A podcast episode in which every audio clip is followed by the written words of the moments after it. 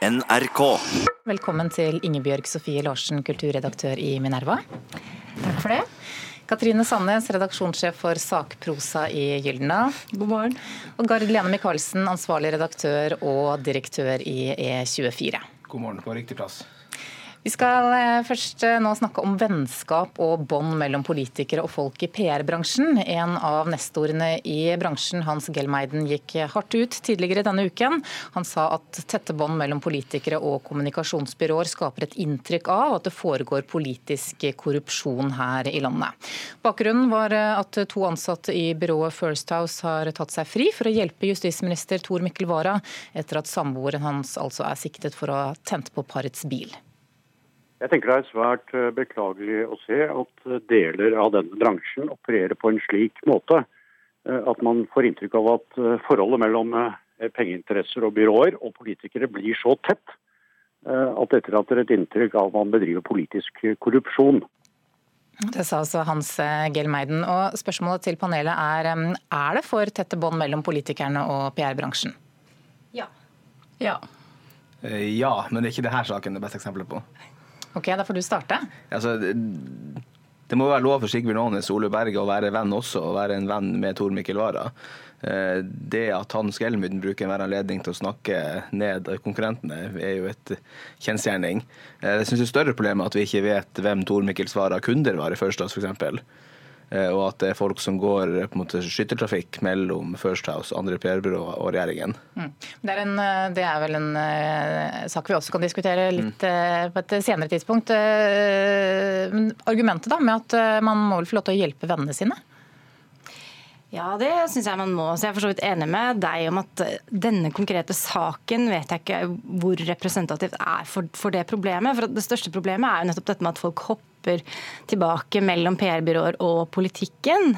Eh, og det tror jeg er litt sånn eh, det er naturlig at folk reagerer på nettopp det at man, man opparbeider seg kunnskap som folkevalgt, eh, og så profitterer man på det selv på den kunnskapen, den konkrete kunnskapen etterpå. Da. Så det i seg selv tenker jeg at er en, er en kan være litt eh, problematisk. Men så er det også sånn at PR-bransjen bygger jo nettopp på disse relasjonene her. da.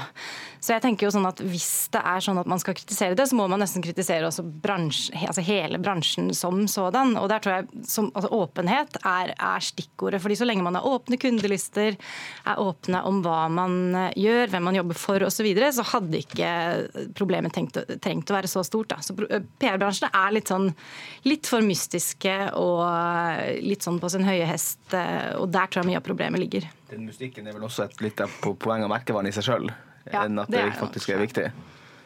Jeg er jo helt enig i at uh, det er veldig mange problemer knyttet, knyttet til dette. Sylvi Listhaugs uh, posisjon i sentralstyret, samtidig som hun lobbet, lobbet for OL i Oslo. vi har en tidligere KrFU-leder som er fylkesordførerkandidat, samtidig som hun jobber i First House. Så det går jo, det går jo ikke an. Det, jeg tenker, I forbindelse med at vi nå har Senterpartiets landsmøte, så er det jo helt åpenbart altså, Det er jo ikke Senterparti, det er jo ikke Vedum som, som Eh, skaper en polarisering mellom det man kaller byelite eh, og eh, verden utenom. Dette her er et veldig godt eksempel på noen små kretsløp mellom politikere og, og et sjikt også, det handler også om, om journalister, om PR-byråer og, stort, og, storting og regjering, som er en sånn liten krets av mennesker, mennesker som har veldig kort og uformell vei, vei til hverandre. Så sånn, sånn sett så skal man si ja, selvfølgelig, man er, man er venn, men man er ikke bare venn eh, man er også noe annet. Og Sibjørn Aanes eh, har jo virkelig profitert på dette. Er det noe han har signalisert til sine kunder gjennom denne saken, så er det jeg har hotline rett inn til, inn til, statsministeren.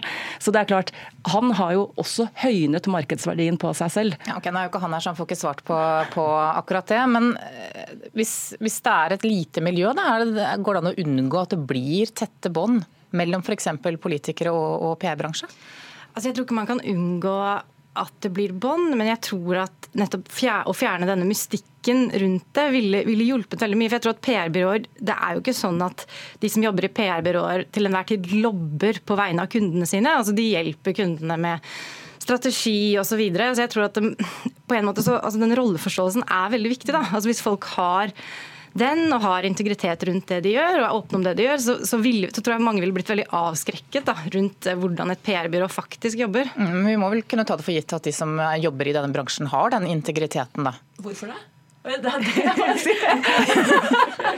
ja, det kan jeg mener jeg jo ikke på noen måte at vi kan ta for gitt. Okay, vi må, må, kunne stole på at, eh, at, en del mennesker eh, har en integritet da, i forhold til de, de, arbeidsoppgavene de skal gjøre. Ja, Men det, men det er jo nettopp, nettopp, noe av poenget. Det, eh, vi, altså, det har vi bare deres ord for. Vi har ingen måte, ingen kanaler til å, til å ettergå det. Og å undersøke om er dine verdier i tråd med andres, eh, andres, verdier, eller din forståelse av hva integritet eller tilstrekkelig avstand, eh, avstand er. Så jeg mener Åpne kundelister det er et absolutt, eh, et absolutt minimum.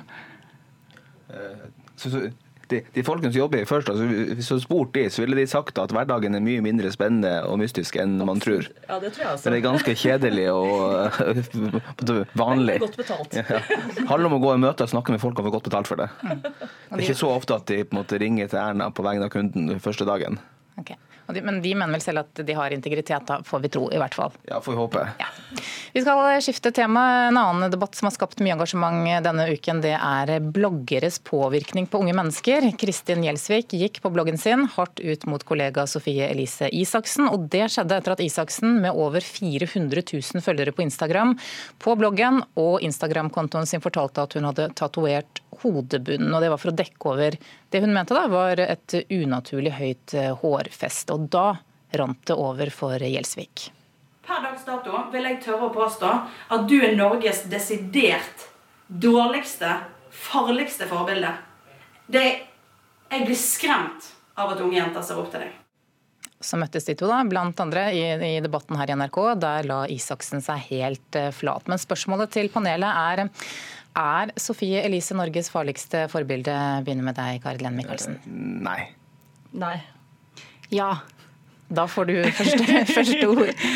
Ja, nei, eh, altså det jeg tenker det er noe med antallet her da, som hun når ut til. Var det, var det, så var det 404 000 ja. Eh, treff hun har på den bloggen sin. Det tenker jeg er følgere, og det, det, tenker jeg er sånn eh, det, Vi som jobber i aviser og kan på en måte bare drømme om å, å, nå ut til så mange. Så gjennom det så er hun jo et enormt forbilde, og derfor er det viktig hva hun gjør. Samtidig så tror jeg ikke vi kan ikke gjøre noe med det. Hun må få gjøre som hun vil, men det vi kan er jo å skape debatt sånn som det Kristin Gjelsvik har gjort. Da, og håpe at det fører til en bevisstgjøring, og at det fungerer. Så det, det, får vi håpe. Så er det også kult når publikum sier fra selv, tenker jeg. For det har man jo gjort i denne saken her. Hun har fått masse tilbakemeldinger både på bloggen sin og gjennom at hun har blitt nominert eh, til denne gullbarbien, som handler om eh, at bloggere får eh, det å få andre publikum til å føle seg dårlig. Sånn at det er i hvert fall eh, mye som skjer her, da. Mm. Men Katrine Sandnes, det kan jo være godt for unge mennesker da, å se at de ikke er alene om å ha komplekser, f.eks. Jeg, jeg, eh, det, altså, det, her må jeg bare si, dette, dette, er jo av de tingene jeg aldri har skjønt, eh, skjønt meg på. Altså, men jeg, altså, jeg ser jo det på, på nær sagt mine egne døtre og deres venner. altså Skjønnhetstyranni åpenbart altså Det er en realitet er, altså, som man opplever, eller kroppspress, da, som de kaller det. Eh, det er, det er en viktig del av, av, hverdagen deres. Og Da er det jo klart at da er jo det spørsmålet eh, er det bra å legge det fram. Ja, det kan det være. Kan det være dårlig? Eh, dårlig? Ja, det kan det være.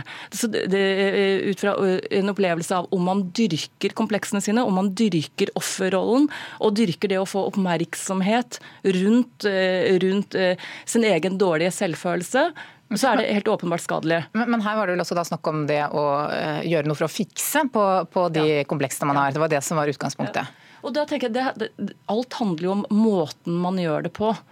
Eh, det, det, når jeg svarer nei på, nei på spørsmålet om, eh, om, hun er Norges farligste blogger, nei, forbilde, så er det selvfølgelig en spissformulering i utgangspunktet. Men, men noe av det jeg reagerer litt på, det er den måten man ser på følgerne til, til Sofie Elise, og som man ser på Sofie Elise selv. og man ser på, altså man, man øh, man går til dette litt sånn ovenfra og nedad med en forestilling om at disse jentene som følger, eh, som følger rosabloggere, som man som ganske nedlatende kaller det, er egentlig litt sånn hjernedøde, hjernedøde småjenter som ikke er i stand til å skille verken virkelig, eh, virkelighet eller fiksjon, eller, eller eh, det å, hvordan man fremstiller seg selv, og ulike nivåer, i ulike nivåer i kommunikasjonen. Jeg tror at veldig mange av de, dagens 14 år gamle jenter er i stand til å lese ganske nyansert inn, inn i disse ulike fremstillingene. Mm. God reklame for eh, Sofie Elise Isaksen også, da, Gard Lene Michaelsen? Eh, ja, det er det nok, men hun har nok, eh, ja, hun har nok følgere som hun har det. Jeg tror ikke hun trenger mer reklame. Men det er mange som syns det er interessant å vite at du kan tatovere hodebunnen for å få skjule høye viker. Jeg tenkte jeg skulle spørre dere om det. Var det noen som sjekka hårfestet? Ja, de, de, de, aller fleste har seg klar over hvor det er hen. I, I, veldig stor grad. Men det det, det, som er altså, du, du, med fare for å ikke henge ut andre. Altså, jeg tror ikke Sofie Elise er det dårligste forbildet. Hun har holdt på ganske lenge og er ganske reflektert. og som vi så i debatten, så var ganske bevisst hva hun hadde gjort, eh, og kunne legge seg flat og beklage det. Det er en del andre der ute som bedriver blogging og ja, skape, skape, et kroppspress på en mindre reflektert måte enn hun gjør det. Mm. Men jeg, må si, jeg lurer, lurer, veldig på hva er hipdips, som de snakket, snakket om? Så, jeg måtte også google, google det faktisk etter debatten. Hva er det da? Det, er sånn, det går inn under hoftebeinet, så går det innover eh, altså kroppen. Da. Så det er en sånn betegnelse på det. Et, et sted på kroppen, rett og slett. Vi kan, vi kan snakke mer om den kroppslige ting eh, etter, etter, panelet, tror jeg. Nå skal vi til en mann som har fått mye oppmerksomhet denne uken, nemlig han her. Det var han selv som ga seg navnet, som er like uhyggelig som alle mordene hans. Jack the Ripper. Det betyr bokstavelig talt 'han som spretter dem opp'. Og det var det han gjorde. Han lemlestet ofrene sine til det ugjenkjennelige. Han var fråtset i blod der han for fram med kniven sin ikke så veldig hyggelige greier, dette her. Forskere mener altså at de har funnet eh, identiteten til den mye omtalte Jack the Ripper. Dette er altså mannen som tok livet av frem, eh, fem prostituerte kvinner i en bydel i London på slutten av 1800-tallet. Og identiteten hans har vært av aller, et av de aller største kriminalmysteriene gjennom tidene. Men nå mener altså rettsmedisinerne at de ved hjelp av DNA-analyse har funnet ut at drapsmannen var en 23 år gammel polsk frisør. Og spørsmålet er vil vi egentlig vite hvem Jack the Ripper var, Katrine Sandnes? Nei. Nei. Ja. da får du begynne igjen. igjen. Eh, ja, nei, jeg tenker altså, Beviset på at dette er noe vi vil vite, det opplevde jeg da jeg bodde i, uh, i London. For at hver uke uh, mens jeg bodde der, så var jeg i Whitechapel, som er dette området hvor Jack the Ripper holdt til. da. Eh, og da, Jeg sang i et kor som øvde der, eh, og like ved der hvor jeg øvde, så lå det en pub, og der satt det alltid eh, noen som var utkledd som Jack the Ripper. For det de gjorde der, var at de hadde sånne guidede turer med Jack the Ripper rundt i dette området. Og disse guidene de konkurrerte jo om, om publikum. Og det de la sin prestisje i, det var liksom nettopp å være oppdatert på denne forskningen på hva er det vi vet om Jack the Ripper. 130 eh, år etterpå, eller, eller hva det er. Sånn at, eh, og dette var det stor interesse for. De var alltid stappfulle, disse turene. sånn at, eh, at, det er en interesse der, det er det i hvert fall helt sikkert at det er. Mm. Det er greit å få oppklart denne saken, da. Usedvanlig dårlig bruk av samfunnsøkonomiske ressurser. Jeg vil anta at påtalemyndigheten i London har andre ting å bruke pengene på. Ikke minst har jo hele England større problemer enn her akkurat nå.